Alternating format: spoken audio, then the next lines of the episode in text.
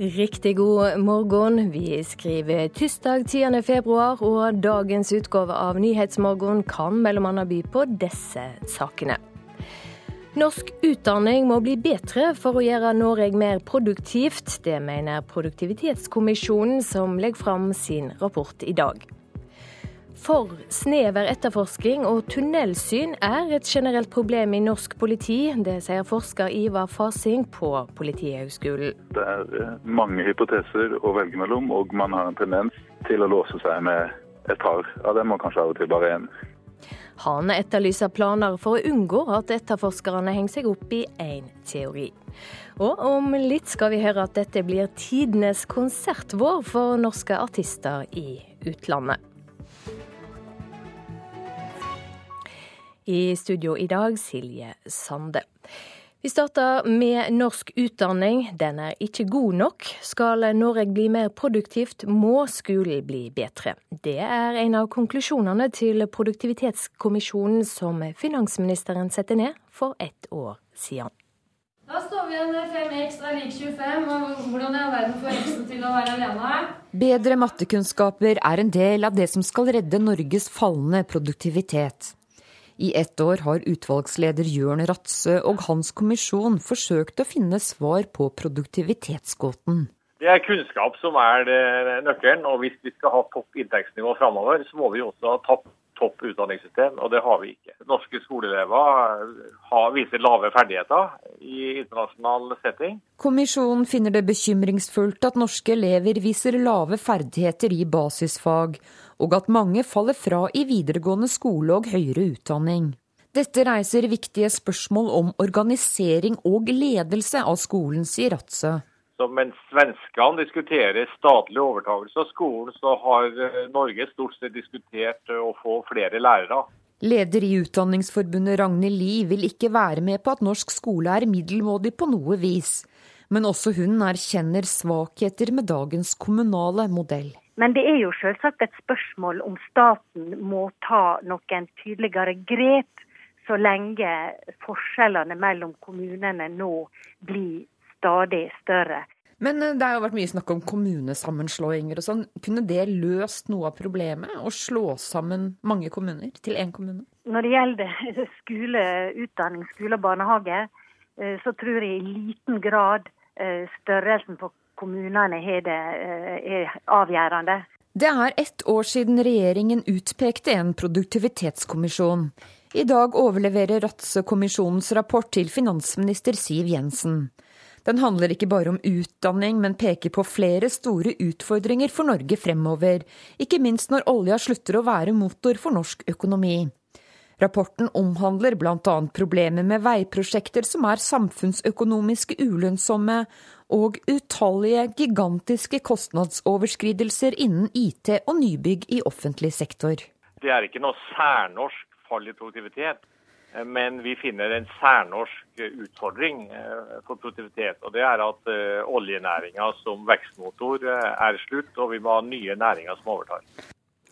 Og kommisjonsleder Jørn Ratsø er gjest i dagens Politisk kvarter om litt over en time. Reporter Line Tomter.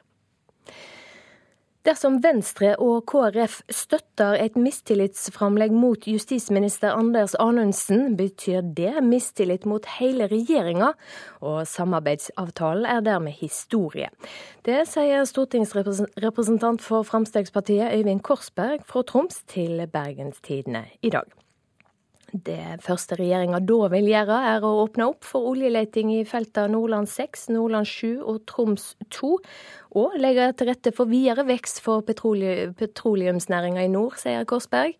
Havområder utenfor Lofoten, Vesterålen og Senja er skjermet for oljeboring i avtalen regjeringa har inngått med Venstre og KrF. Europeisk politi har pågrepet 15 personer som er mistenkte for å ha tvinga unge rumenske kvinner til å jobbe som prostituerte i Spania. 19 kvinner ble berga da spansk og rumensk politi gikk til aksjon mot flere ulike adresser. Det opplyser Eurojust, som er EU sitt samarbeidsbyrå for påtalemakt og etterforsking. USA har sett den tidligere tyske rapperen Dennis Cuspert på si terrorliste. 39-åringen opptrer i en rekke propagandavideoer fra den islamistiske terrorgruppa IS. Cuspert, som holdt hiphopkonserter i Berlin med artistnavnet Dezo Dog på 2000-tallet, kaller seg nå for Abu Tala al-Almani. Gjennom videoene fra IS har tyskeren blitt blant de mest kjente vestlige krigerne i opprørsgruppa IS.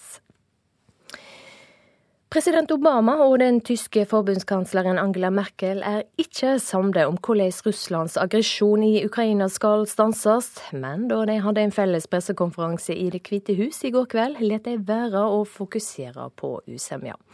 De er samde om at diplomatiske løsninger må prøves først, men Obama vil ikke utelukke våpenhjelp til Ukraina, sjøl om han ikke har bestemt seg ennå. If in fact diplomacy Hvis diplomatiske løsninger ikke fører fram, har jeg bedt rådgiverne mine se på hvilke alternativer vi har, sier president Obama. Verken han eller forbundskansler Angela Merkel nevnte diskusjonen om å sende våpenhjelp til Ukraina, før de ble spurt direkte om det på pressekonferansen i Det hvite hus i går kveld. Obama svarte da at han ikke har bestemt seg for om han mener USA bør hjelpe ukrainerne med våpen i kampen mot Russland. Merkel gjentok at hun ønsker å fortsette et intenst arbeid for en diplomatisk løsning. Hva de Waffenexporte anbelangt, habe ich ja ähm, meine Meinung gesagt, aber wovon Sie ausgehen können, ist, dass in jedem Falle ähm, die Allianz jeg har sagt hva jeg mener om dette. Men selv om vi ikke alltid er enige, så vil alliansen mellom USA og Tyskland være like sterk uansett hva som skjer, sa hun. I morgen skal Merkel og Frankrikes president Francois Hollande til et nytt toppmøte om Ukraina i Minsk. Men møtet henger i en tynn tråd etter at president Putin i går kom med nye krav om hva som må være klart før møtet kan finne sted. Her i Washington er det mange som mener USA må bidra med våpen til Ukraina så snart som mulig. Forsvarskomiteen i Representantenes hus jobber med et lovforslag som skal gi grønt lys for slik våpenhjelp. Og også mannen Obama har nominert som ny forsvarsminister, Ashton Carter, sier han er positiv til det the prospect for a military solution to this problem has always been low. Russia obviously has a extraordinarily powerful military. President Obama selv understreket imidlertid i går at ukrainerne ikke vil kunne vinne en krig mot en overlegen russisk militærmakt. Det sa vår USA-korrespondent Tove Bjørgaas. Tunnelsyn og for snever etterforsking er et problem for politiet generelt, ikke bare i Hordaland. Det sier forsker Ivar Fasing på Politihøgskolen. Han mener norsk politi mangler planer for å unngå og oppdage at etterforskerne henger seg opp i én teori, slik som da Monica-saka ble lagd vekk som sjøldrap. Det er nok den største utfordringen man sitter med som etterforsker at det er eh, mange hypoteser å velge mellom, og man har en tendens til å låse seg med et par av dem, og kanskje av og til bare én. For oss som lekfolk så ser det jo ikke fint ut på papiret, sånn som det blir beskrevet hva politiet har vurdert, hva de har valgt vekk å gjøre og sånne ting. Nei, det ser jo helt forferdelig ut. Men det er langt på vei en konsekvens av det grunnleggende problemet at man har låst seg til en hypotese. Dette er fundamentalt menneskelig og et grunnleggende problem. Vi liker gjerne å tro vi har rett. Det er godt for eh, den mentale hygiene, for å si det sånn, eh, og troen på seg sjøl. I går kom rapporten som Riksadvokaten hadde bestilt om Monica-saka, da den åtte år gamle jenta ble funnet død i sin egen heim i november 2011. Ett år seinere konkluderte politiet med selvmord. Etter ytre press tok politiet saka opp igjen, og en tidligere samboer til Monica si mor ble sikta for drap tre år etter dødsfallet. Førstestatsadvokat Bjørn Soknes har leia arbeidsgruppa som laga rapporten, og konklusjonen var at politiet i Hordaland fikk tunnelsyn og gjorde mange feil i etterforskninga. Hvorfor det kunne skje, der har vi ikke klart å ha gitt noe godt svar. Spørsmålet hvorfor henger igjen i lufta og mange steder i rapporten. Kritikken som ligger her er ganske slående. Jeg vet ikke hva som er det verste. Sier tillitsvalgt Kjetil Rekdal i Politiets Fellesforbund Hordaland. Jeg skulle jo gjerne hatt eh, svar på det fra arbeidsgruppa, slik at vi faktisk kan ta lærdom av det og, og finne ut hva som har skjedd. Jeg tolker det vel slik at de mener at den teorien om selvdrap var begrensende på etterforskningen, at det i seg selv kan være en forklaring på at en del etterforskningsskritt ikke ble foretatt. Det konstaterer visepolitimeister i Hordaland, Gunnar Fløystad. Og da har vi i alle fall noen forklaring. Det har vi. Dette er jo ikke et problem som bare hviler i Bergen. Er det du sier at tunnelsyn er vanlig i norsk politi? Ja, det tror jeg jeg kan si. Han viser til at Storbritannia i ti år har hatt et omfattende system for å sørge for å sjekke at politietterforskerne handler og tenker grundig og rett når de undersøker alle hypoteser. Du må rett og slett dokumentere hva du så etter, og hva tenkte du? Hvilke ulike scenarioer og hypoteser var det du etterforsket? Svaret er jo at vi må da ha en bedre type etterforskning. Vi må ha kvalitetssikringssystemer som gjør at vi får stilt de rette spørsmålene. Men vi konstaterer i denne saken her eh, at det er faktisk veldig mange flinke folk på veldig forskjellige mange fagområder hvor ingen har, slik jeg har forstått det, sett og stilt de rette spørsmålene. Du sjøl er en av dem? Ja. Det sa politimeister Geir Gudmundsen i Hordaland. Reporter Leif Rune Løland. Ja, Vi hørte nett at eh, Produktivitetskommisjonen legger fram sin rapport i dag. Ifølge Aftenposten ber kommisjonen Siv Jensen om å vise politisk brutalitet. Finansministeren bør bl.a. satse på byene, motstå lokale og særinteresser og støtte forskning i store virksomheter, skriver avisa.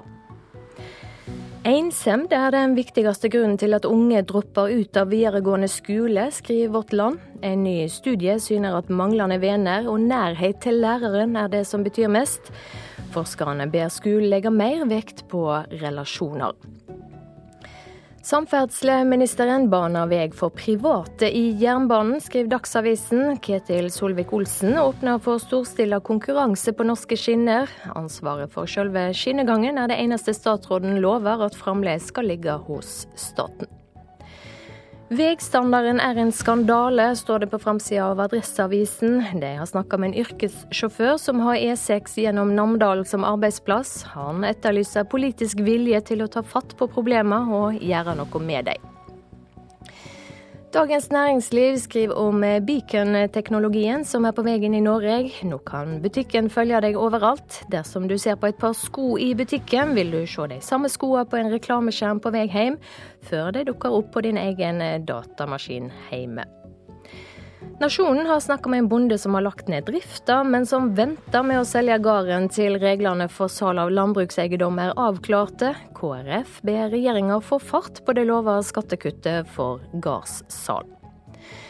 Venstresida må legge fra seg frykta for alt som er stort. Det sier tidligere SV-nestleder Steinar Stjernø til Klassekampen. Han mener venstresida har sovet i timen og advarer mot funksjonsangst når det gjelder universitet og høgskoler i Utdannings-Norge. Dagbladet skriver om Monica-saka og den sterke kritikken mot politiet i Hordaland. Åtteåringen ble funnet død, og politiet la vekk saka fordi de mente hun hadde tatt sitt eget liv. Avisa tar for seg en liste på sju polititabber i etterforskninga av saka. Og også Bergens Tidende bruker si framside på Monica-saka. Politiet gjorde feil på feil, skriver avisa.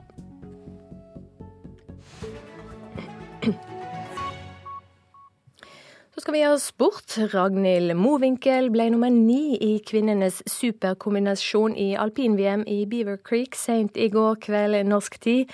22-åringen lå på femteplass etter utforrennet og hadde håp om å kunne gi de beste kamp og medaljene, men slalåmdelen gikk ikke helt slik hun håpa. Likevel var hun ikke skuffa etterpå.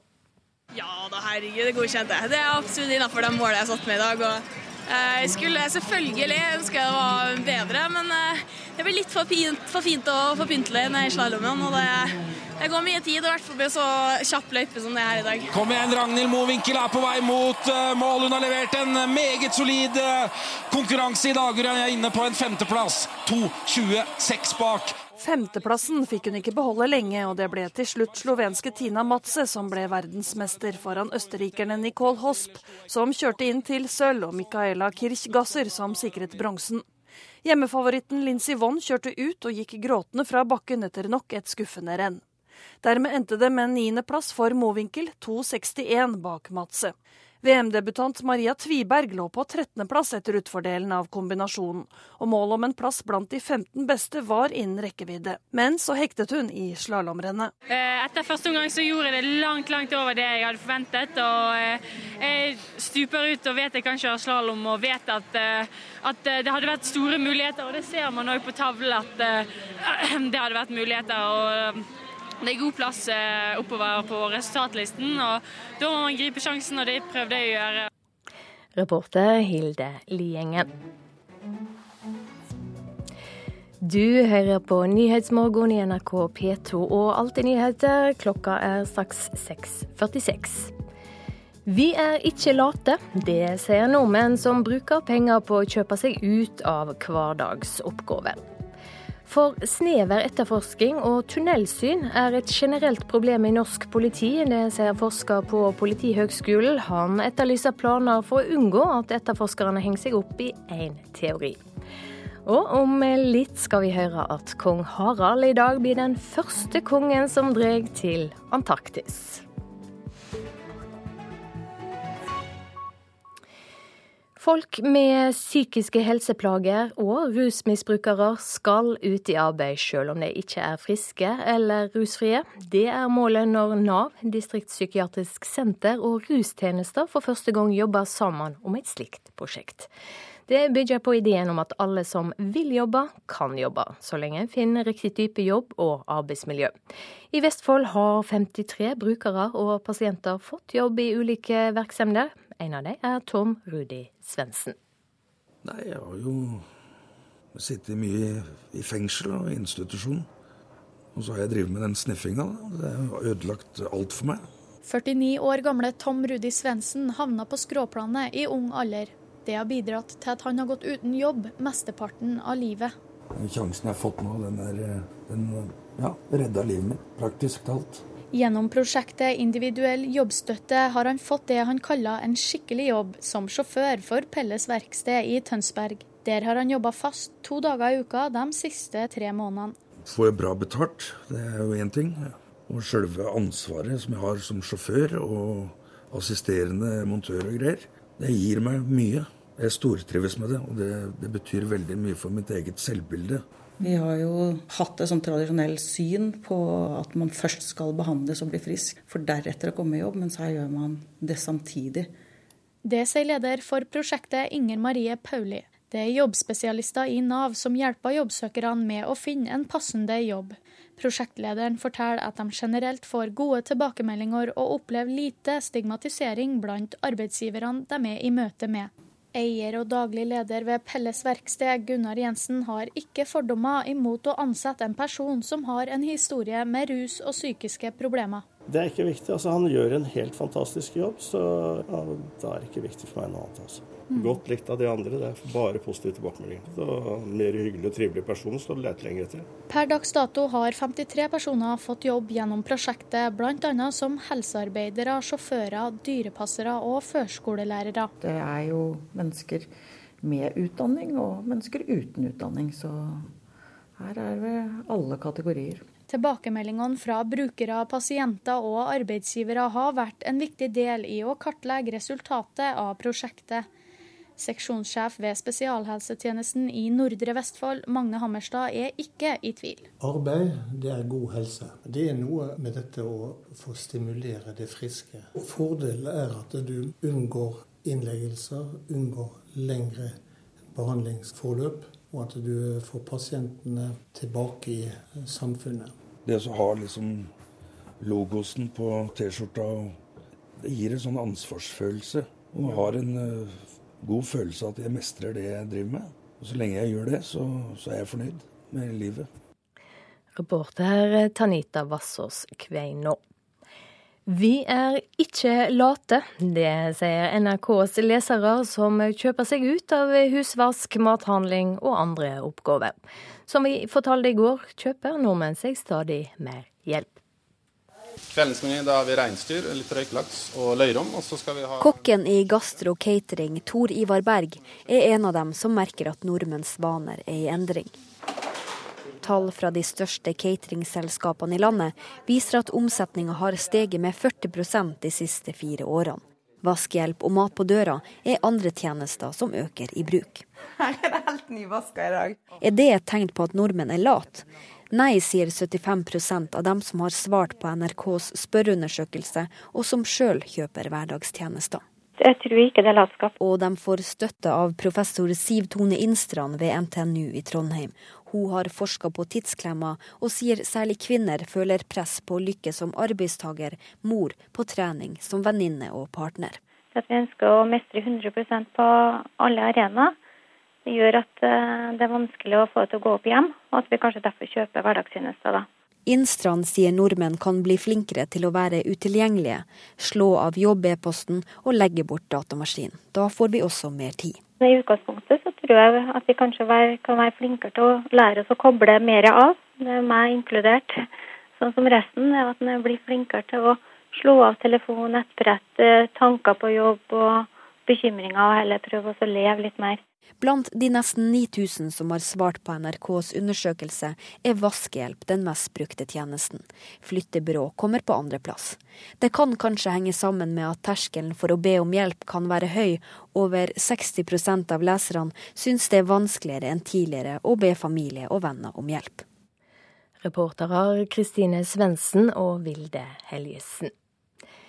Denne veka går Statsgåte for det mange mener er tidenes konsertvår for norske artister i utlandet.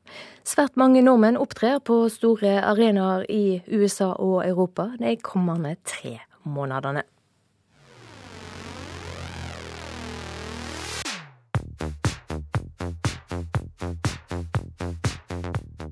Rytmen fra norsk elektronika pumpes ut i verden denne våren. Artistene Todd Terje, Kygo og Cashmere Cat skal alle tre spille på gigantfestivalen Coachella i California i april, og har før det en travel turnévår i utlandet, da særlig Cashmere Cat. Magnus August Høiberg, som han egentlig heter, samarbeider her med Ariana Grand og skal ut på en omfattende USA-turné sammen med Stjerneskuddet. Der venter store scener som Madison Square Garden i New York. Altså, sånn Norsk historisk så er det jo eh, ekstremt eh, unikt. Det sier manager for Cashmere Cat Vegard Vaske, som også har ansvaret for det internasjonale programmet i Bylive. For det stopper ikke med elektronikasuksessen. Velkjente Nico og Vince reiser snart ut på en omfattende europaturné sammen med Usher, og også bandet Team Me, Katzenjammer og artist Susanne Sundfør skal ut i Europa. Elektronikaartist Matoma reiser snart på USA-turné, og det samme gjør metallbandet Enslaved. Og ikke nok med det.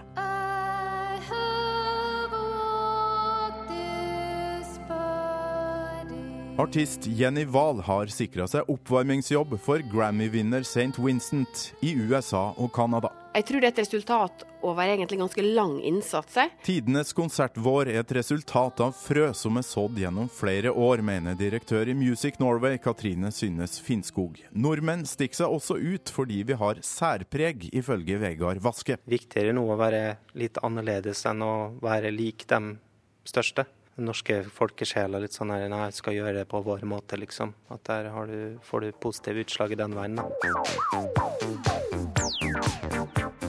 Til og med popmusikkstorebror Sverige har nå skjønt at det skjer store ting hos lillebror i vest. De sier at de må snart vurdere å begynne å ha scouter i Norge fra Sverige for å klare å fange opp det som skjer her borte. Så klart at de også merker at et eller annet her borte skjer, og det må jo vi bare ta til oss. For ti år siden så føltes det ofte som at eh, hvis internasjonal bransje så mot Skandinavia, så trodde de at Stockholm var hovedstaden i Skandinavia. at Norge var et fylke i Sverige. Det har eh, endra seg veldig. Reporter Torkil Torsvik. I dag reiser kong Harald til Antarktis for å feire Troll sine første ti år som helårs forskningsstasjon. Det er ifølge Polarinstituttet første gang en konge er i Antarktis. Konge og statsråder lytta intenst da siste informasjon om den store ekspedisjonen ble gitt på et luksushotell i Cape Town i går kveld. Direktøren ved Polarinstituttet, Jan Gunnar Winther, lover at alt er klart. Været er godt nok til at Hercules-flyet kan lande på isen. Det er ifølge han duka for et historisk besøk i Antarktis.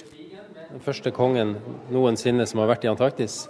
Og det er klart at det at kongen eh, er med på denne turen, gir det en ekstra dimensjon, og det er historisk for oss. For ti år siden åpna dronning Sonja Troll som helårs forskningsstasjon. Nå skal kongen være med og feire jubileet og det som er oppnådd. Vi er en stormakt når det gjelder diplomati og også næringsinteresser. Vi har ikke hatt så høy aktivitet når det gjelder forskning, men ved å etablere Troll som helårsstasjon, så har vi økt den. Og vi har i dag ca. 1000 forskerdøgn eh, i året på Troll. Eh, og det er fortsatt potensial for mer.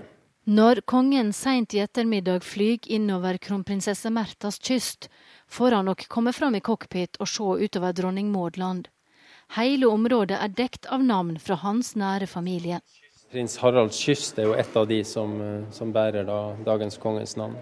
På tide at han kommer dit sjøl? Ja, Vi syns det er veldig flott eh, å ta en eh, sånn reise av kongen og være med og markere tiårsjubileet. Så dette er jo i god norsk eh, både polar og, og kongelig tradisjon. Det sa til slutt Jan Gunnar Winther, direktør i Norsk Polarinstitutt, til reporter Kristi Marie Skrede. Vi skal ha et værvarsel fra Meteorologisk institutt. Det gjelder fram til midnatt. Fjellet i Sør-Norge vestlig stiv og til dels sterk kuling utsatte steder. Spredd sludd eller snø i vestlige strøk. Ellers skyer eller delvis skyer, oppholdsvær. Østafjells vestlig bris, frisk bris utsatte steder. Nordvestlig liten kuling på kysten vest for Lindesnes. Opphold og perioder med sol. Rogaland får vest og nordvest opp i frisk bris, stiv kuling i fjellet. Perioder med litt regn, snø over 800 til 1000 meter. Hordaland og Sogn og Fjordane vest og sørvest frisk bris på kysten. Liten kuling og til dels stiv kuling nord for Feie. Stiv og til dels sterk kuling ved Stad og i fjellet. I kveld liten storm ved Stad. Perioder med litt regn, snø over 800 til 1000 meter. Møre og Romsdal og Trøndelag sørvest. Sterk kuling på kysten og utsatte steder. Fra i ettermiddag til dels liten storm på kysten. Regn av og til, snø over 800 til 1000 meter. Lite eller ingen nedbør i indre og sørlige strøk. Helgeland, Saltfjellet, Salten og Ofoten øker til sørvestlig sterk kuling. Fra i ettermiddag periodevis liten storm. Regn over 600 til 800 meter. Snø. Lokalt mye nedbør. Lofoten, Vesterålen og Troms vestlig sterk kuling utsatte steder. I formiddag og ettermiddag forbigående mindre vind. I kveld liten storm. Sludd- og snøbyger kan hende torevær først på dagen. I indre strøk av Sør-Troms lokalt mye nedbør. Finnmark får minking til liten kuling av skiftende retning og snøbyger. Nordensjøland på Spitsbergen østlig bris, i kveld økende til liten kuling utsatte steder. Oppholdsvær, i kveld litt snø. Så har vi lista over temperaturene. De var målt klokka fire. Svalbard lufthavn minus 23. Kirkenes, der har vi ikke fått inn eh, noe temperatur. Vardø minus én. Alta minus én. Tromsø-Langnes null. Bodø fem. Brønnøysund, der er det heller ikke meldt inn temperatur. Trondheim-Værnes seks. Molde sju. Bergen-Flesland fem. Stavanger seks. Kristiansand-Kjevik sju. Gardermoen tre. Lillehammer minus én. Røros tre. Og Oslo-Blindern tre. Videre så blir det relativt mildt i Sør-Norge, med store variasjoner i låglandet. Det er venta omtrent uendrede temperaturer i Nordland, litt kaldere i Troms og på Spitsbergen, medan det blir forbigående varmere i Finnmark. NRK P2.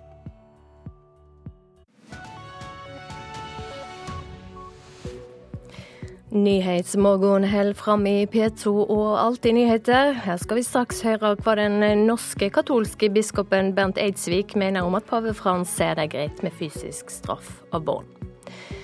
Samfunnet kunne spart rundt 6 milliarder kroner årlig dersom Kommune-Norge nådde sykefraværsmålene. Det viser utrekninger fra kommuneorganisasjonen KS. Og i dag skal den tidligere mektige lederen for Det internasjonale pengefondet forklare seg i hallikssaka han er tiltalt i.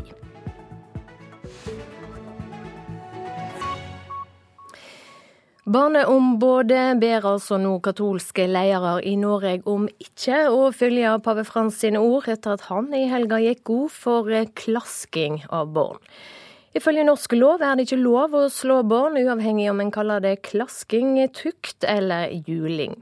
Religiøse ledere har et ansvar for å si til sine kirkelyder at vold mot barn er ulovlig. Det sier barneombud Anne Lindboe, som altså taler Roma midt imot.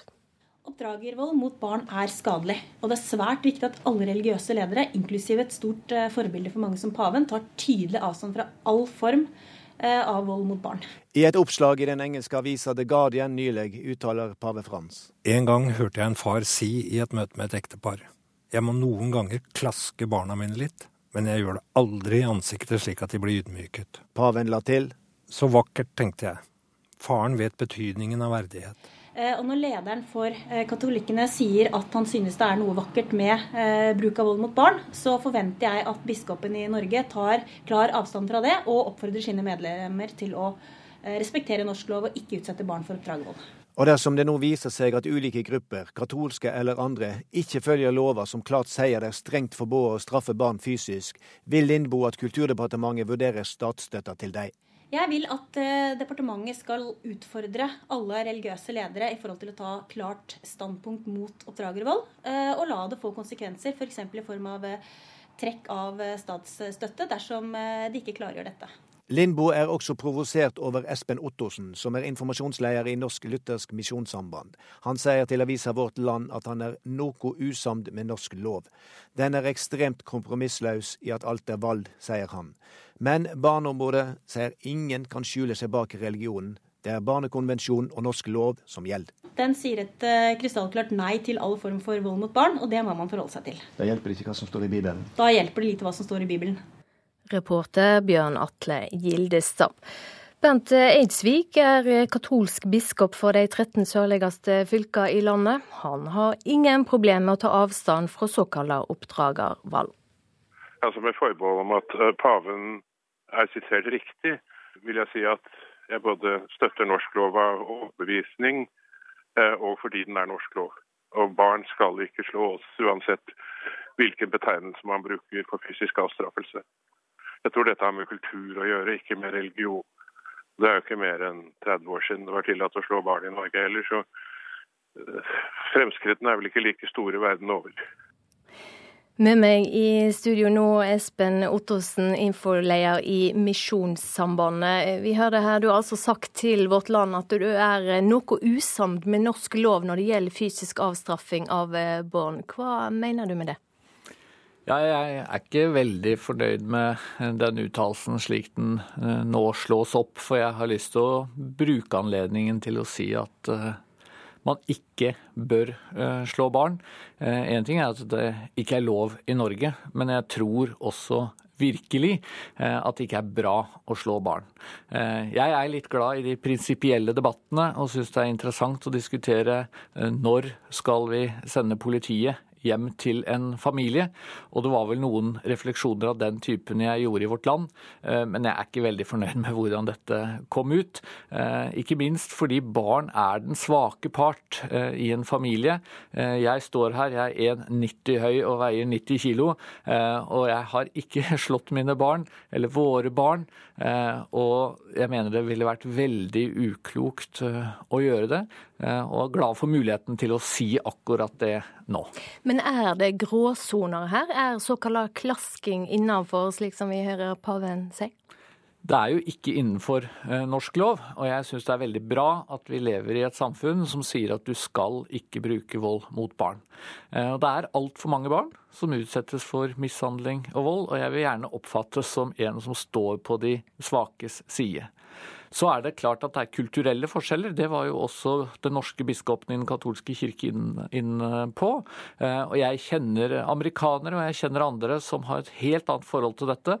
Eh, og som jeg ikke vil stemple som dårlige foreldre. Det er mange, tror jeg, som sier at klasking kan være nødvendig, men som er veldig opptatt av å gi barna trygghet og eh, kjærlighet. Men jeg vil ikke støtte disse. Jeg vil ta avstand også eh, fra denne måten å opptre på, eh, og tenker det er veldig viktig at vi er tydelige eh, på at man ikke bør slå barn. Det skader. Vold avler eh, vold. Du har med deg Bibelen inn i studio. Er det et problem for kristne at Bibelen tar til orde for fysisk straff? Det er i hvert fall et eh, problem hvis man da ikke leser den grundig nok. Det er mitt perspektiv. Eh, Bibelen kan misbrukes. Det er ingen tvil om at for 3000 år siden, da Det gamle testamentet ble skrevet, så var rising av barn svært vanlig. Men jeg tenker ikke at Bibelen oppfordrer til ris, men den oppfordrer til grensesetting. Den oppfordrer til tydelig oppdragelse. For 3000 år siden var det eh, fysisk avstraffelse. I dag går det an å sette grenser for barna sine, eh, følge de opp på en skikkelig måte, eh, uten å ty til vold. Kort til slutt, Hvordan blir dette praktisert i kristne miljøer i Norge i dag? Der har det nok vært en stor utvikling. Jeg tror at for 30-40 år siden så var det langt mer vanlig, men ikke bare i kristne men overalt, å bruke fysisk avstraffelse, eller i hvert fall ha det som et sånt aller siste virkemiddel. Men jeg tror at det er svært lite vanlig i de miljøene jeg kjenner, å bruke ris eller fysisk avstraffelse, og det syns jeg er veldig bra. Takk skal du ha for at du kom i studio, Espen Ottosen, informasjonsleder i Misjonssambandet. Samfunnet kunne spart rundt 6 milliarder kroner årlig dersom Kommune-Norge nådde sykefraværsmålene. Det viser utrekninger fra organisasjonen til kommunene, KS. Trass i 14 år med tiltak er det langt fram til målet. Generelt er jo sykefraværet for høyt, det er jo helt klart.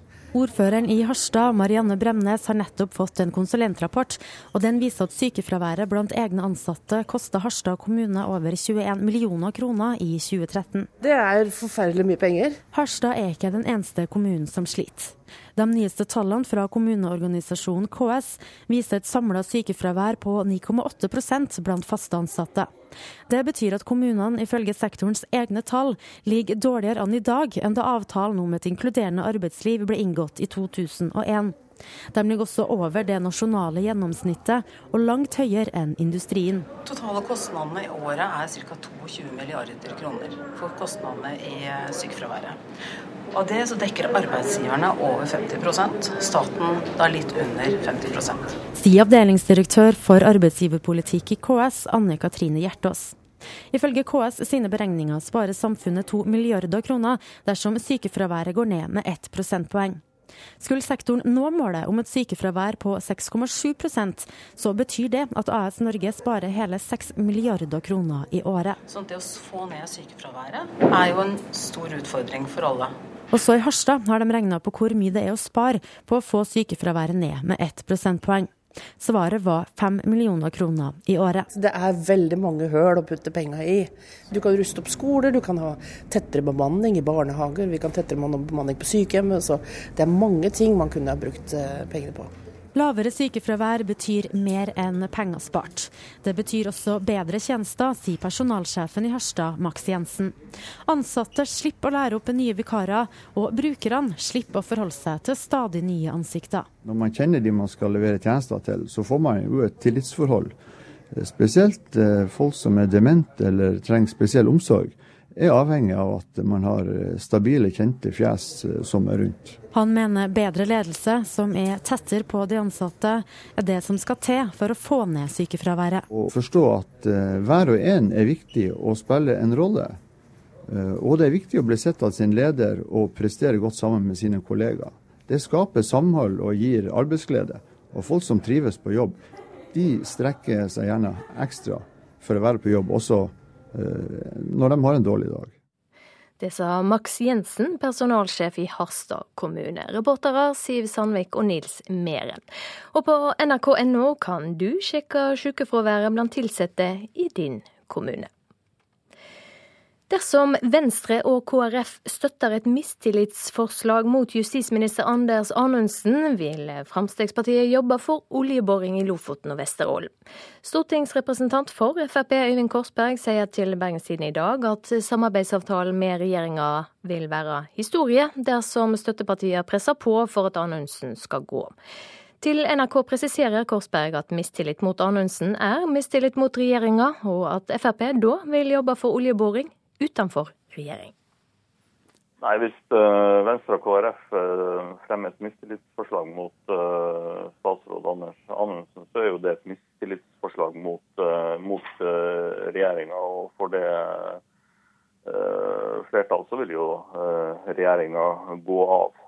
og da er jo den samarbeidsavtalen man har med KrF og Venstre historie. og da gjelder det som er eh, eh, primærpolitikk og det partiprogrammet vi har gått eh, inn for. Og det er jo bl.a. å åpne opp for oljeboring i Nordland 6, 7 og Troms.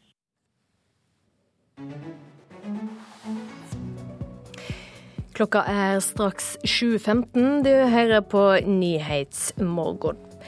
Den eh, norske katolske biskopen Bernt Eidsvik eh, mener ikke det er greit med fysisk straff av barn, slik som pave Frans har åpna for.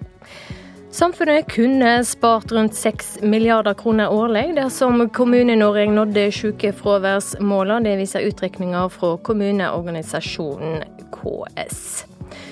Og vi er ikke late, det sier nordmenn som bruker penger på å kjøpe seg ut av hverdagsoppgaver.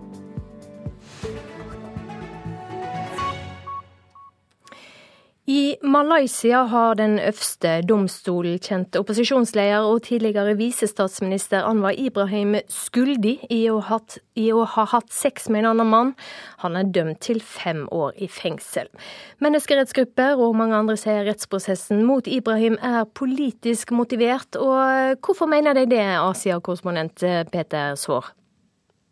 Ja, Anwar Ibrahim leder jo den koalisjonen som er det nærmeste Malaysia kommer en politisk opposisjon i et land hvor UMNO, eller United Malay National Front, har holdt på makten siden britisk uavhengighet i 1957. Det er et av verdens lengst styrende politiske partier.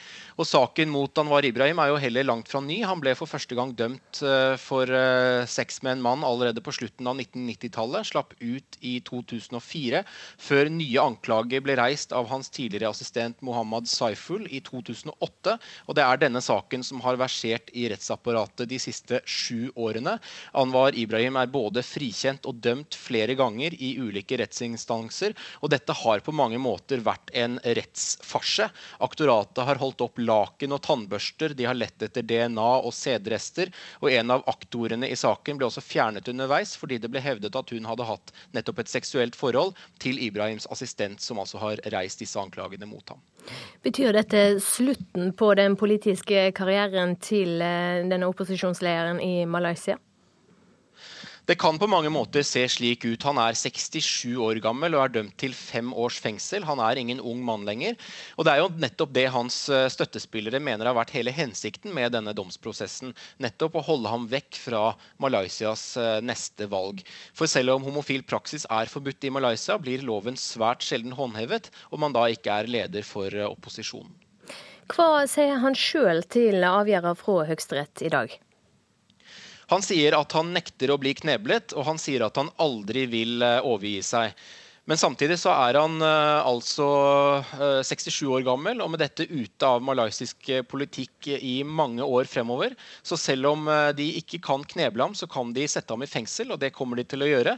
Dermed holder de ham altså unna valgsedlene, noe også menneskerettighetsorganisasjoner påpeker i dag. De kaller dette en mørk dag for menneskerettighetene i Malaysia. Takk skal du ha for at du var med, Asia-korrespondent eh, Peter. Så Så skal vi høre at Norge trapper opp innsatsen sin i kriseråka Sør-Sudan. På en giverkonferanse i Nairobi i går bladde Norge opp 150 millioner kroner.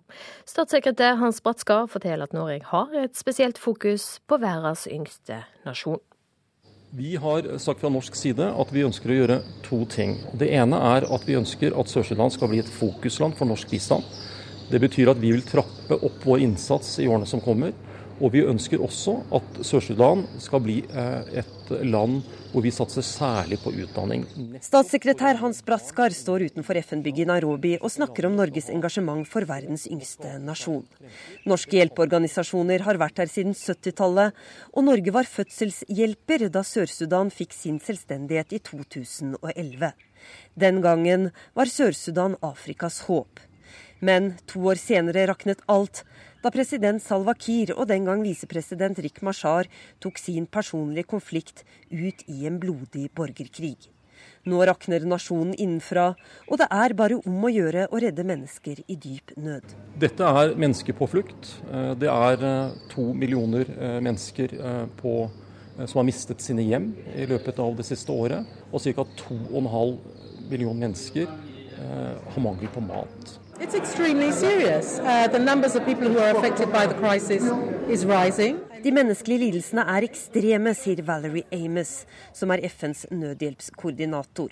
Hun har nettopp kommet tilbake etter en rundreise i Sør-Sudan, og forteller at hjelpearbeidet er svært krevende. Det finnes nesten ikke infrastruktur, sier Amos, og vi må få ut hjelpen før regntiden kommer i april, for når regnet kommer, da blir det umulig å bevege seg rundt. Sultkatastrofer i Afrika er dessverre ikke noe nytt.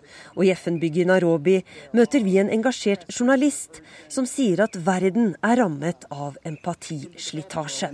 So think, uh, Rachel Jones er redaktør for Sør-Sudan i Fokus hos Voice of America. Hun sier at i en verden der pengepotten minsker, samtidig som konfliktene raser, blir prioriteringene vanskelige. Men Norge har bestemt seg. Folk i Sør-Sudan skal få hjelp, selv om tålmodigheten med landets ledere er i ferd med å renne ut. Det sa NRKs Afrikakorrespondent Kristine Presttun. I dag skal den tidligere så mektige lederen for Det internasjonale pengefondet forklare seg i halliksaker han er tiltalt i. Dominic Strauss-Kahn har i politiavhør vedgått og ha deltatt på såkalte sexfester, men han har avvist at han visste at kvinnene var prostituerte. Åse Marit Befring, du er med oss fra Frankrike. Hva dreier denne saka seg om? Ja, Denne saken den dreier seg om opprullingen av en internasjonal prostitusjonsring, der en rekke personer altså er tiltalt for hallikvirksomhet. Og En av dem er altså mannen som man trodde skulle vinne som Frankrikes president i 2012, eh, Dominique Strauss-Kahn, som mens han satt på toppen som eh, pengefondets mann, eh, har levd et dobbeltliv. Dersom han blir dømt i denne saken, kommer det til å bli bevist. Eh, den blir kalt for Carlton-affæren, tok eh, utspring i et hotell her i Lille. Eh, og, eh, og det, der startet eh, en av de ansatte med å, å kontakte prostituerte, skaffet prostituerte til forretningsmenn, politikere og venner. Og i opprullingen av denne saken så dukket også navnet til Dominique Strauss-Kahn opp. Hvorfor får denne saka så mye oppmerksomhet? Ja, Det er jo fordi at nettopp Dominique Strauss-Kahn er tiltalt i denne saken. Eh, en mann som var på toppen av samfunnet. Så den inneholder jo alle ingredienser om sex, makt og penger. Og den viser hvordan eh, menn på toppen kan, kan misbruke sin makt. Fordi at Dominique Strauss-Kahn gjorde lite for å skjule hva han holdt på med. Journalister visste om det, politiske venner visste. Men de ville ikke brenne en sikker kilde. Og folk rundt han ønsket ikke å la sjansen gå fra seg for å ha tett og nær kontakt med en fremtidig president. Da ventet de gjenytelser. Slik at eh, det er jo eh, eh, en, en veldig høytstående sak på den måten at det rammer en som kunne ha vært på toppen i, i samfunnet. Ja, hva bevis er det som foreligger i saka? Jo, politiet har mange SMS-er som viser at, at Strauss-Kahn har har eh, kontaktet eh, personer som også er tiltalt i saken, eh, for å bestille kvinner. De har blitt fraktet til, Washington, de har blitt fraktet til Paris. Flere kvitteringer som viser at betalingen for oppholdene ble betalt av forretningsvenner. Så det politiet må forsøke å bevise, er at, at han knyttes også økonomisk til det at han, han tjente på å ha med med venner på disse festene. I så fall så kan han bli dømt etter halvparagrafen. Takk skal du ha for at du var med, korrespondent Åse Marit Befring. Vi skal ta en kikk på dagens aviser. Ensom det er den viktigste grunnen til at unge dropper ut av videregående skole, skriver Vårt Land. En ny studie syner at manglende venner og nærhet til læreren er det som betyr mest. Forskerne ber skolen om å legge mer vekt på relasjoner. Samferdselsministeren baner vei for private i jernbanen, skriver Dagsavisen. Ketil Solvik-Olsen åpner for storstila konkurranse på norske skinner. Ansvaret for selve skinnene er det eneste statsråden lover fremdeles skal ligge hos staten. Veistandarden er en skandale, står det på framsida av Adresseavisen. De har snakka med en yrkessjåfør som har E6 gjennom Namdalen som arbeidsplass. Han etterlyser politisk vilje til å ta fatt på problemer og gjøre noe med dem. Dagens Næringsliv skriver om Beacon-teknologien som er på vei inn i Norge. Nå kan butikken følge deg overalt. Dersom du ser på et par sko i butikken, vil du se de samme skoene på en reklameskjerm på vei hjem, før de dukker opp på din egen datamaskin hjemme. Nasjonen har snakka med en bonde som har lagt ned drifta, men som venter med å selge gården til reglene for salg av landbrukseiendom er avklarte. KrF ber regjeringa få fart på det lova skattekuttet for gårdssalg. Venstresida må legge fra seg frykta for alt som er stort. Det sier tidligere SV-nestleder Steinar Stjernø til Klassekampen. Han mener venstresida har sovet i timen, og advarer mot fusjonsangst når det gjelder universitet og høgskoler i Utdannings-Norge. Dagbladet skriver om Monica-saka og den sterke kritikken mot politiet i Hordaland. Åtteåringen ble funnet død. Politiet la vekk saka. Avisa tar for seg en liste på sju polititabber i etterforskninga av eh, saka. Og også Bergens Tidende bruker si framside på Monika Saka. Politiet gjorde feil på feil, skriver avisa.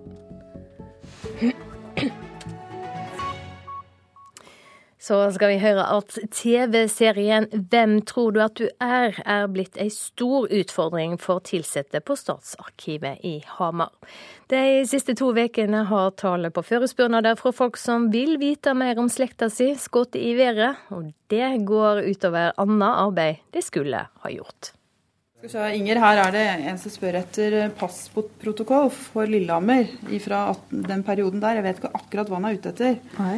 De har det travelt med å svare på slektsspørsmål, statsarkivar Vigdis Stensby og saksbehandler Inger Karin Martinsen på Statsarkivet på Hamar. Det er jo alt fra oldemødre på Toten til bortkomne folk i Amerika. Det er hele spekteret. Absolutt hele spekteret. Familiehemmeligheter venter på å bli avslørt.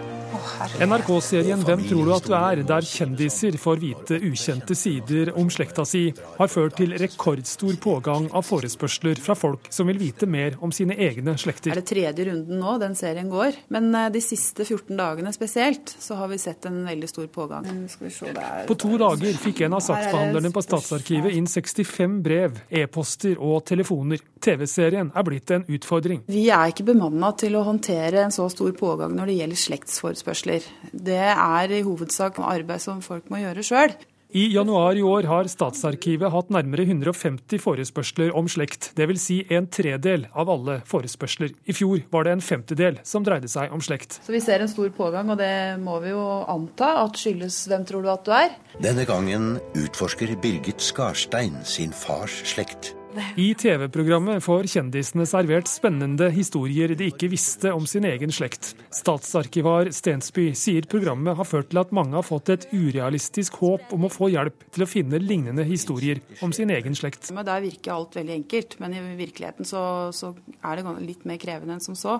Jeg tror nok det er for når du ser på TV-en, vet du, så kommer de med digre traller med allerede framfunnet materiale, vet du. Og så tror jo folk at det er så lettvint. De kan jo ha brukt ei uke på den jobben og finne fram det. vet du. Det må ha vært en utrolig tøff opplevelse. Og vil vite hvorfor dro oldefar til Amerika. Hva var grunnen? Ting som ikke vi kan si, si noe om, altså. Hvem tror du at du er, har endret slektsgranskerne, sier statsarkivar Stensby. Tidligere var det kanskje vel så interessant å, å, tegne opp slektstre, mens nå så er det like interessant å finne historier om forfedre og, og finne likhetstrekk mellom seg sjøl og, og forfedre. Dette har altså ikke Statsarkivet tid til. Nå må vi prioritere etter viktighet, og, og slektsgranskere er dessverre ikke øverst i, i boken. Stensby sier det er positivt med alle forespørslene, men ber nå om at flere prøver å finne ut mer på egen hånd ved å søke på Digitalarkivet.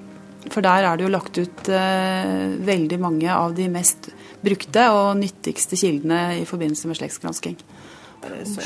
Her er det spørs... Nei. Til tross for en eksplosjon i antall forespørsler, Statsarkivet prøver så godt de kan å svare på alle. Men vi må sette strek en stand. Det må vi. Vi må sette i strek. Ja, Det sa saksbehandler Inger Karin Martinsen og statsarkivar Vigdis Stensby på Statsarkivet på Hamar. Reporter Stein S. Eide. Du hører på Nyhetsmorgen. I reportasjen etter Dagsnytt skal det handle om likestillinga i Chile. Landet er kanskje det mest moderne i Latin-Amerika, men innen likestilling henger de etter. Og i Politisk kvarter får statsminister Erna Solberg spørsmål om hun har tillit til justisminister Anders Anundsen. Produsent for eh, Nyhetsmorgen i dag, Tonje Grimstad. Her i studio, Silje Sande. Nå er eh, Ida Creed straks klar med Dagsnytt.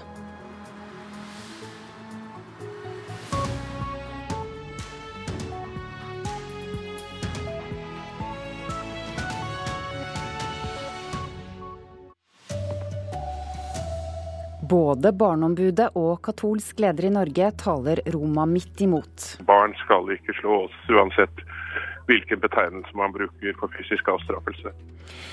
Norge kan spare 6 milliarder kroner dersom vi når målet om lavere sykefravær. Og vi går inn i tidenes konsertvår for norske artister i utlandet. Her er NRK Dagsnytt klokken 7.30. Barneombudet ber katolske ledere i Norge om ikke å følge pave Frans ord, etter at han i helgen gikk god for det han kaller klasking av barn.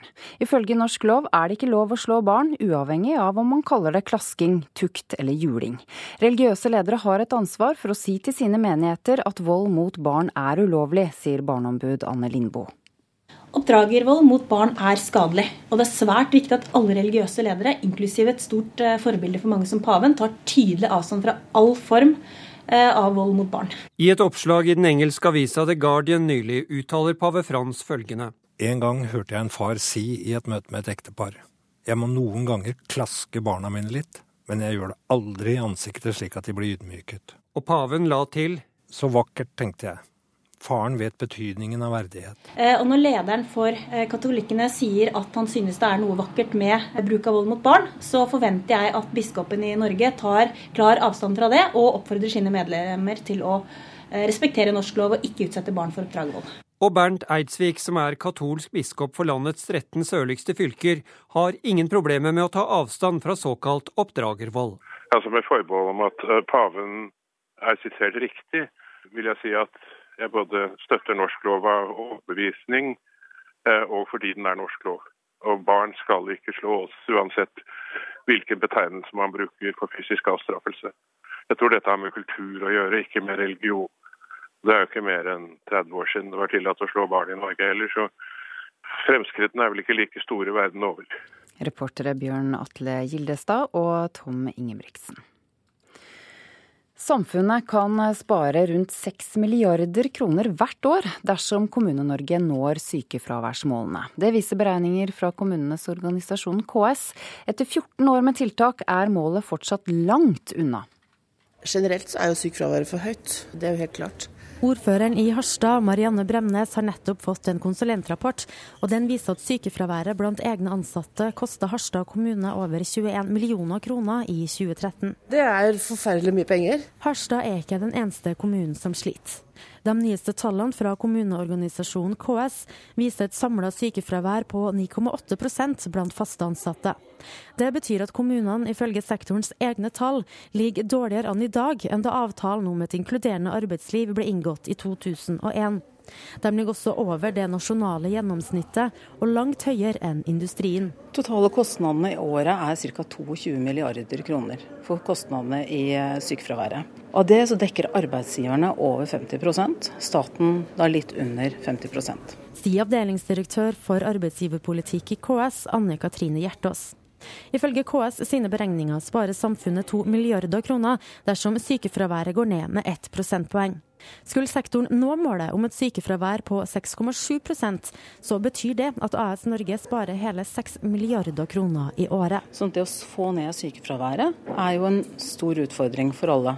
Også i Harstad har de regna på hvor mye det er å spare på å få sykefraværet ned med ett prosentpoeng. Svaret var 5 millioner kroner i året. Det er veldig mange høl å putte penger i. Du kan ruste opp skoler, du kan ha tettere bemanning i barnehager, vi kan tettere bemanning på sykehjem. Så det er mange ting man kunne ha brukt eh, pengene på. Og på nrk.no kan du sjekke sykefraværet blant ansatte i din kommune. Reportere Siv Sandvik og Nils Meren. Malaysias øverste domstol har dømt opposisjonsleder og tidligere visestatsminister Anwar Ibrahim til fem års fengsel for å ha hatt sex med en annen mann. Han kan også få forbud mot å drive politikk.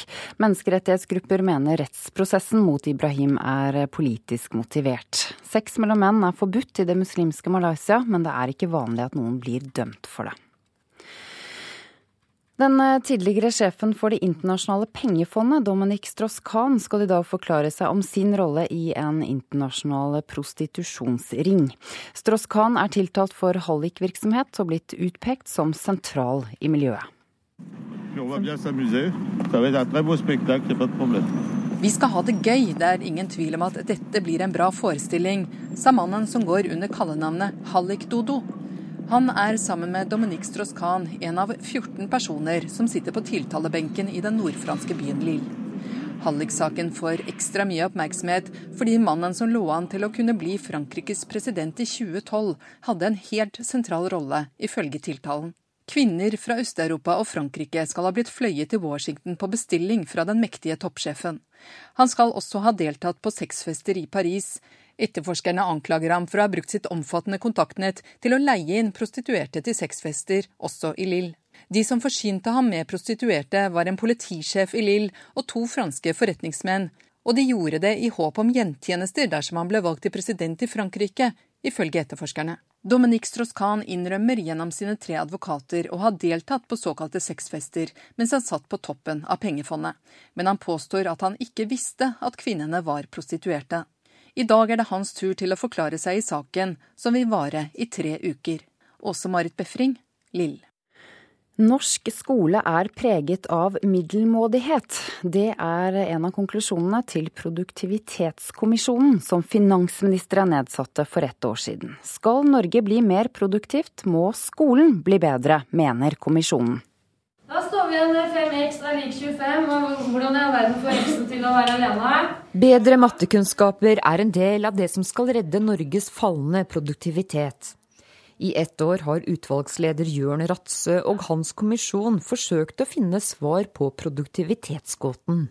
Det er kunnskap som er nøkkelen, og hvis vi skal ha topp inntektsnivå framover, så må vi også ha tatt topp utdanningssystem, og det har vi ikke. Norske skoleelever viser lave ferdigheter i internasjonal setting. Kommisjonen finner det bekymringsfullt at norske elever viser lave ferdigheter i basisfag, og at mange faller fra i videregående skole og høyere utdanning. Dette reiser viktige spørsmål om organisering og ledelse av skolen, sier Ratse.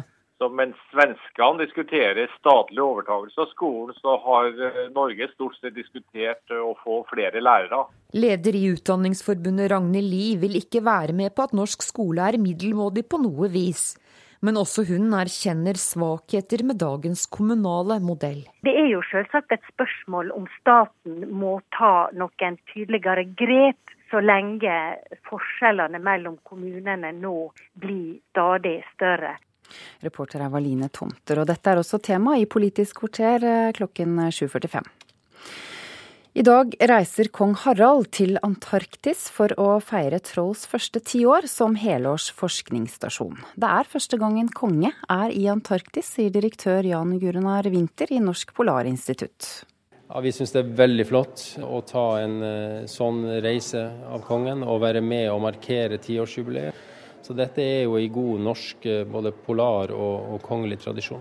Konge og statsråder lytta intenst da siste informasjon om den store ekspedisjonen ble gitt på et luksushotell i Cape Town i går kveld.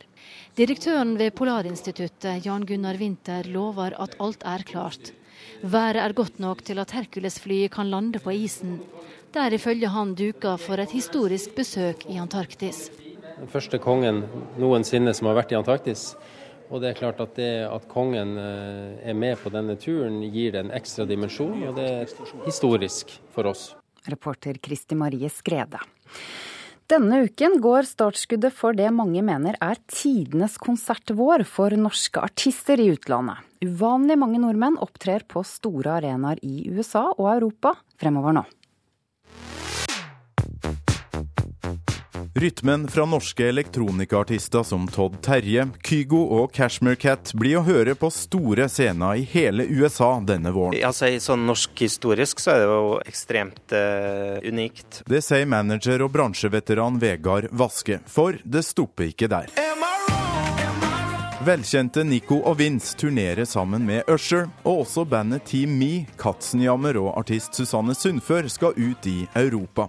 I tillegg har Jenny Wahl sikra seg oppvarmingsjobb for Grammy-vinner St. Vincent i USA og Canada. Jeg tror det er et resultat over egentlig ganske lang innsats. Det sier direktør i Music Norway, Katrine Synnes Finnskog. Til og med popmusikkstorebror Sverige har nå skjønt at det skjer store ting hos lillebror i vest. De sier at de må snart vurdere å begynne å ha skauter i Norge. De er med på alerten, og de vet at uh, ting er på gang i Norge da. Reporter her var Torkil Thorsvik. Og ansvarlig for denne sendingen er Ulf Tannesfjell, Hanne Lunås og Ida Creed.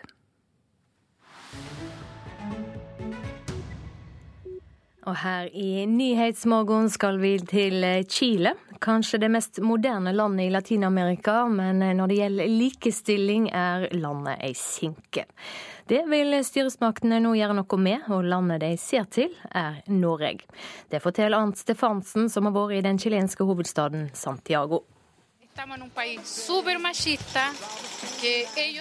Dette er et fryktelig macholand, sier en ung kvinne her i Santiago de Chile. Fra man fødes til man dør, er det menn som har fordelene, sier hun. Jeg mener at det er store muligheter også for kvinner til å gjøre karriere, men problemet er at de tjener så dårlig, sier en mann i 20-årene. Selv om Michelle Bachelet var den første folkevalgte kvinnelige president i Latin-Amerika, og selv om det er en betydelig kvinneandel i det politiske liv her i Chile, så er likestilling en fjern drøm for chilenske kvinner. En undersøkelse fra Verdens økonomiske forum plasserer Chile på 91. plass blant 136 land når det gjelder likestilling. Statssekretær Katja Trusic i Økonomiministeriet svarer slik når jeg spør om kvinners deltakelse i det økonomiske liv. Baja. es una participación baja. Det er en lav deltakelse, sier hun og ler litt resignert. Derfor er det viktig for regjeringen å bedre den. En andel på hele 30% av kvinnene har ikke jobb, selv om de er kvalifisert og ønsker å gå ut i arbeidslivet. No tenemos obviamente las mismas oportunidades que los hombres en Likestilling er blitt et viktig tema i chilenske medier, særlig etter at Michelle Bachelet kom tilbake til makten for ett år siden. Den nye regjeringen har kommet med en rekke tiltak for å øke kvinneandelen i bedriftene, både i offentlig sektor, i kooperativer og i private bedrifter. Kvinnekvotering i bedriftenes styrer er ett av tiltakene, og særlig i privat sektor er motstanden stor, sier statssekretær Katja Trosic. que no hay mujeres. Ese es el principal argumento. Que no hay mujeres calificadas, que no hay mujeres disponibles. Vi får stadig høre at det ikke finnes kvinner som er kvalifisert og som ønsker å ta på seg slike verv. Mektige menn står frem og spår at det vil ta et par generasjoner før kvinner kan utgjøre 40% av et styre, slik vi foreslår. Men dette er fordommer og machoholdninger. Svært mange chilenske menn mener fortsatt at kvinnens plass er i hjemmet, sier Katja Trosic, som har Norge som forbilde for sitt arbeid. Porque Noruega fue pionera en impulsar las cuotas de género eh, en sus directorios. Norge var en pioner i arbeidet med å innføre kjønnskvoter i bedriftsstyrer. Jeg har hatt et nært samarbeid med Norges ambassadør her i Chile, og vi har hatt stor glede av hennes kunnskaper. Vi kopierer gjerne de norske ideene og erfaringene når det gjelder likestilling. For på dette området er Norge et foregangsland, og vi her i Chile har fortsatt en lang vei å gå, sier statssekretær Katja Trusic i Økonomiministeriet til Urix på lørdag. Det sa Arnt Stefansen. Barneombudet taler Roma midt imot, etter at paven før helga uttalte seg positivt om fysisk straff av barn. Norsk utdanning må bli bedre for å gjøre landet mer produktivt. Det mener Produktivitetskommisjonen, som legger fram sin rapport i dag. For snever etterforsking og tunnelsyn er et generelt problem i politiet, sier politihøgskoleforsker. Og vi er ikke late, det sier nordmenn som bruker penger på å kjøpe seg ut av hverdagsoppgaver. Som vi hørte i Dagsnytt, vi går inn i tidenes konsertvår for norske artister i utlandet. Det blir det mer om her i Nyhetsmorgen like etter klokka åtte. Men nå først er statsminister Erna Solberg gjest i Politisk kvarter. Programleder er Astrid Randen.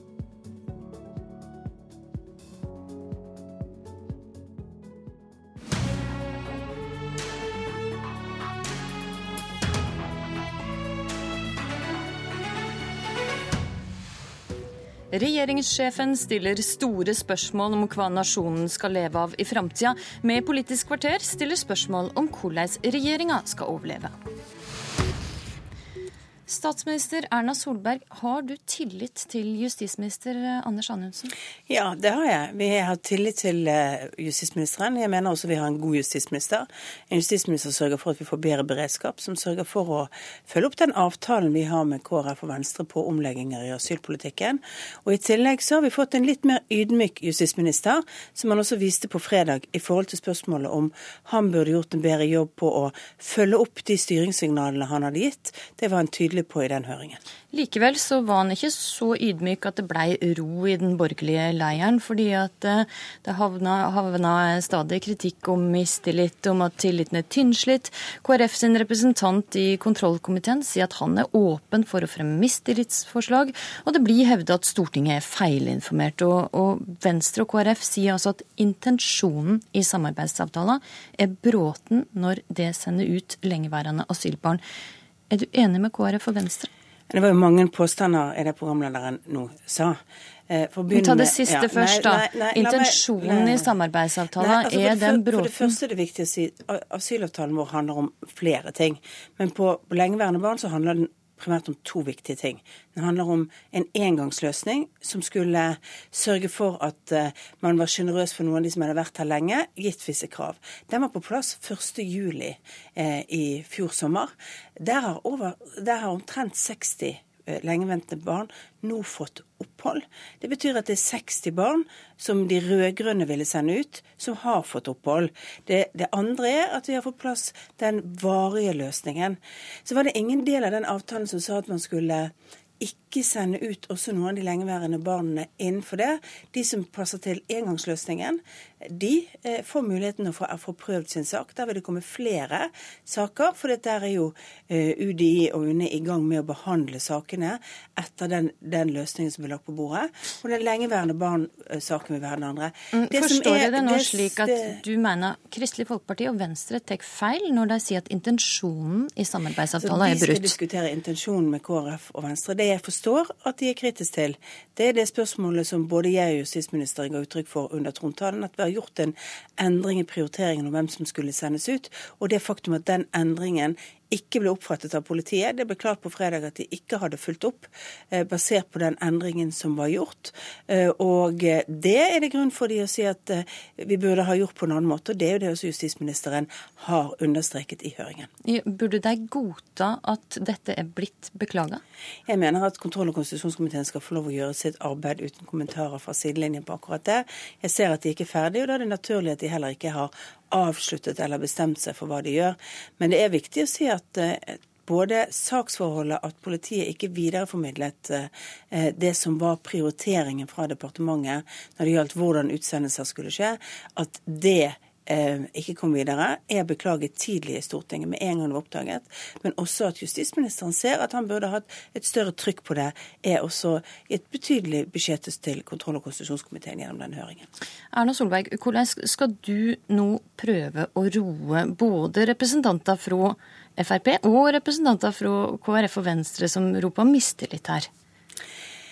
Ja, For det første så, så, tror jeg det er viktig at vi ser på faktum. Når eh, det, er, det KrF og Venstre ønsket var en politikkendring, og den politikkendringen har fått. Vi er mer liberale. Flere barn som har vært her lenge, kommer til å få opphold. Man kommer til å legge vekt på barns situasjon. Og allerede er det altså eh, om lag 60 som har fått bli pga. den engangsløsningen vi gjorde. Så kanskje det å fortelle om resultatene av avtalen er mer liberal politikk overfor de barna som har ventet lenge, er en viktig del. For det drukner litt i det fokuset på ulike deler av hvem som er sendt ut. Vi vil altså da sørge for at det er et skift fra den rød-grønne asylpolitikken for barn og den eh, politikken som denne regjeringen i samarbeid med KrF og Venstre gjennomfører. Men det er altså slik at flere stortingsrepresentanter fra KrF og Venstre krever i en artikkel i VG i dag at eh, regjeringa henter hjem igjen barn som kunne ha fått blitt med den nye avtalen, men som eh, er sendt ut. Bare da kan Anundsen få fortsette. Er det aktuelt? Jeg skal snakke med KrF og Venstre om disse spørsmålene. Jeg mener at det er ganske vanskelig å gjøre det, fordi at du skal ha en saklig gjennomgang av hvilke familier eh, har, fyller de kriteriene. Og det er jo en kriterier som UDI og UNE skal forvalte, ikke vi som er politikere skal forvalte. Og vi kan ikke hente familien tilbake til Norge, for så å sende de ut igjen. Det ville være å spille med deres liv. Men jeg skal snakke med KrF og Venstre om dette. Venstre og KrF vil bruke veka på å diskutere om de har tillit til justisministeren. Hvis det skulle komme fram et mistillitsforslag, og dette får flertall i Stortinget, er det da aktuelt å bytte ut én minister? Eller du, der var det litt Herlig. for mange visser til at en statsminister kommer til å svare på sånt. Men et mistillitsforslag mot Anders Anundsen, betyr det at hele regjeringa må gå? Det spørsmålet om mistillit til hvilken som, helst, stats, eh, hvilken som helst statsråd er et alvorlig og stort tema som man faktisk ikke sitter og spekulerer på denne måten på Politisk kvarter. Ok. I morgen møter du i spørretimen på Stortinget. Mulig du får flere spørsmål i samme gate, men her i Politisk kvarter skifter vi tema.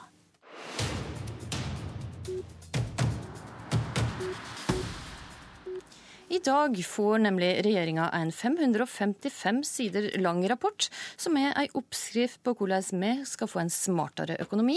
En rapport som handler om hvordan landet vårt kan bli mer produktivt. Jørn Ratse, du har leia Produktivitetskommisjonen, og jeg begynner med å spørre deg, hvor er det du ser størst forbedringspotensial? Hva er det mest uproduktive? Altså et område som vi reiser, det er store offentlige investeringer.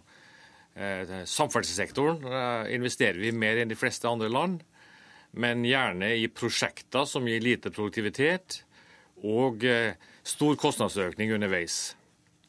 Også andre store offentlige investeringer kjennetegnes ved drift i kostnader. St. Olav hospital fra Trondheim starta som et prosjekt til 1 milliard. Det endte opp med 12,7 milliarder på det nye. Så denne kostnadsdriften i prosjektene. Og eh, om vi velger rett prosjekt og rett utforming, er et stort tema. Og samferdsel er viktigere her enn mange prosjekter som ikke er samfunnsøkonomisk lønnsomme. Ja, så Den store forskjellen fra Sverige er jo at Sverige satser på lønnsomme veiutbygginger. I Norge i mye mindre grad. Og det er klart, en, en vei som brukes lite, er mindre lønnsom enn en vei som brukes mye. Vi må over på veier som brukes mye. Er det lite produktivt å drive distriktspolitikk i Norge? Nei, eh, deler av distriktene er jo blant de mest produktive. Eh, sånn at eh, dette bør ikke være et by-land-tema. Men vi må satse på veiinvesteringer der det hjelper både næringsliv og folk. Det slår også fast at hvis vi skal klare å holde på lønnsnivået i Norge, så er kunnskap helt avgjørende. Men dommen som det feller over norsk skole, den er ikke nådig. Altså, Vi har sett på internasjonale sammenligninger av Norge i mange aspekter. Og vi skårer middels på mange ting. Altså Innovasjon, forskning, nyetableringer og også skolesystem. Så det vi sier er at Et middels skolesystem er ikke godt nok til topp eh, inntektsnivå i lengden. Og hva er det som gjør at vi i Norge har et middels skolesystem? Ja, Det er selvfølgelig vanskelig å svare på. Men vi, vi ser jo eh, altså, ferdigheter i basale fag i grunnskolen er målt svag, eh, gjennomsnittlig i forhold til andre land. Enda viktigere kanskje stort frafall. Både i videregående skole og i høyere utdanning. Så vi må gjøre noe Vi tror at vi må se på organisering og ansvar. Eh, kommunene har sluppet lett unna PISA-sjokket. Eh, vi må se litt på måter å organisere kommuner på, og måter å organisere skoler på innenfor kommunene. Og eventuelt alternative modeller for styring. Og det andre vi tror vi må se på, er arbeidsmarkedet for lærere. Vi må ha et arbeidsmarked for lærere som åpner for ny kompetanse, nye veier inn i læreryrket. Og eh, nye karriereveier i læreryrket alternative måter for styring, sier du. Altså, det tar også til orde for at det ikke nødvendigvis at det er kommunene som skal eie grunnskoler og drive grunnskoler? Du, du kan si, i, I Sverige ble jo diskusjonen om organisering, og den svenske debatten handler om bør staten overta grunnskolen når kommunene ikke leverer. Det er ikke klart at statlig overtakelse av skolen er en løsning på de problemene, men vi mener at organiseringsspørsmålet bør gjøres eh, Kanskje kommunereformen kan legge grunnlaget for sterkere kommuner som kan drive skolene bedre. Og vi, trenger bedre skole. Mm. Erna Solberg, eh, vi får begynne konkret. Bør vi, trenger vi en diskusjon om hvem som skal drive og eie norsk grunnskole? Jeg tror vi først og fremst trenger en diskusjon om hvorfor denne diskusjonen kommer. Altså, Det som er viktig med det som Produktivitetskommisjonen sier, det er at vår fremtidsvelferd er avhengig av at vi blir mer produktive som nasjon. Det betyr ikke at vi skal løpe raskere, men vi må bli smartere. Vi må bruke ressursene våre på en bedre måte. Og når vi vet at veksten i Norge de senere årene har basert seg på i stor grad en, en høy oljepris og på høy oljeaktivitet, og jeg har sagt mange ganger at eh, det vi skal leve av i fremtiden er kunnskap. altså for å holde det høye velferdsnivået, de høye lønningene, det vi nordmenn er vant til å tenke på som Norge, så er vi nødt til å gjøre det. Og Da syns jeg det er viktig at vi ser kritisk på de ulike forslagene, vi ser kritisk på hvilke sektorer, så er jeg sikker på at eh, Produktivitetskommisjonen er best på å fortelle oss hvor problemene er. Jeg er ikke alltid sikker på om de kommer til å være best til å fortelle løsningene. Men det de skal gjøre, er å provosere oss til å ta de ulike diskusjonene. Ikke alltid om virkemidlene, men om kan vi komme lenger. Og jeg mener vi kan komme lenger i vårt utdanningssystem. Ok, og da er altså et av forslagene en diskusjon som en trenger om hvem som eier og driver norsk grunnskole. Er det en diskusjon du er villig til å ta? Jeg er ikke sikker på om det er den viktigste diskusjonen om produktivitet. Jeg mener det viktigste er hvordan får vi læringstrykket opp i klasserommet. Hvordan får vi sammenhengen mellom, mellom, den utdanningen vi gir i høyere utdanning, den forskningen vi gjør, og det næringslivet vi har. Hvordan binder vi de to tingene sammen? Eh, og Det, det syns jeg er en viktigere eh, diskusjon. For, for den vanskeligste, den enkleste diskusjonen vi har, er hvem skal ha det byråkratiske ansvaret for noe. Det vanskeligste vi har i Norge, det er hvordan løfter vi kvaliteten, hvordan løfter vi resultatene vi får i offentlig sektor av det vi gjør. Eh, og Der syns jeg at det er en god provokasjon. Men jeg syns at den kvalitetsdiskusjonen må vi også få på sporet. Så til eh, samferdsel. Dårlig gjennomføring ofte av eh, feil prosjekter. Hva vil du gjøre med det? Altså, Denne regjeringen har en veldig ambisjon knyttet til både å halvere planleggingstiden, altså jobbe med å få ned tiden vi bruker. Det er jo i den prosessen det ofte blir dyrere. Altså Hvis du begynner med et tall på et gitt tidspunkt, så er det jo ofte et annet prosjekt du realiserer. Og det er fordi det er mange ulike interesser som skal få sine kompromisser på veien, og så ender det opp med å bygge mer tilførselsveier, eh, ja, en annen vei enn det det første prosjektet var. Og, og det tar mye, mye lengre tid. Og eh, jeg syns det er en god kritikk som kommer, at vi må være flinkere til faktisk å gjennomføre raskere og gjennomføre til litt lavere kostnad enn det vi gjør i dag. Hva med fokuset rundt byene og i distriktene? Mer veibygging, samferdsel rundt byene? Vi må bygge mer kollektiv rundt byene, for dette skal også henge sammen med de grønne målene vi har. Eh, og så må vi sørge for at trafikken fungerer i en sammenheng. Men jeg tror vi må passe på å huske at eh, fremdeles kommer noen av våre mest verdiskapende regioner til å være nettopp det, ligge i regionene. Altså Hvis du går til en, går til en øy som, eh, som Røst, så har de en veldig høy produksjon og produktivitet på toppen. De kan, må dessverre de produktene sine ut fra Røst. Eh, klippfisk, selv om det er en 500 år gammel og 600 år gammel tradisjon, er fortsatt et produkt med høy, eh, høy verdiskaping når vi selger det på det internasjonale markedet. Så vi må passe på at vi ikke ser oss blind på på en måte at det bare er de store byene. Men vi må ha lavere kostnader, og vi må ha mindre feilprosjekter. Mm. Kort til slutt, Erna Solberg, hvordan vil du nå ta med deg alle disse forslagene på disse 550 eh, sidene? Og jobbe videre med det? Det viktigste er å ta med seg det, det, grunnlaget. Vår velferd i dag er bygget først og fremst på at vi har vært igjennom en omstilling som har gjort oss mer produktive. Så har vi løftet velferdsnivået vårt med oljen. Hvis vi skal leve av andre ting i fremtiden, så er vi nødt til å ta debatten om hvordan vi løfter produktiviteten vår mye mer. For dette er ikke nok, bra nok for et land som skal gjennom en omstilling og har ambisjoner om å beholde velferdsnivået sitt og være omtrent middels eller midt på treet på alle statistikker. Da må vi faktisk være bedre på en del av de. Og med det takker vi for at det kom til Politisk kvarter, Erna Solberg og Jørn Ratse. Noen kommisjoner og rapporter går altså i glemmeboka. Andre blir referansepunkt for samfunnsdebatten i lang tid. Hva som skjer med denne vet vi ikke, bortsett fra at Ratse overleverer den på en pressekonferanse klokka 11, som også blir sendt på nrk.no. Det var Politisk kvarter. I studio denne morgenen var Astrid Randen.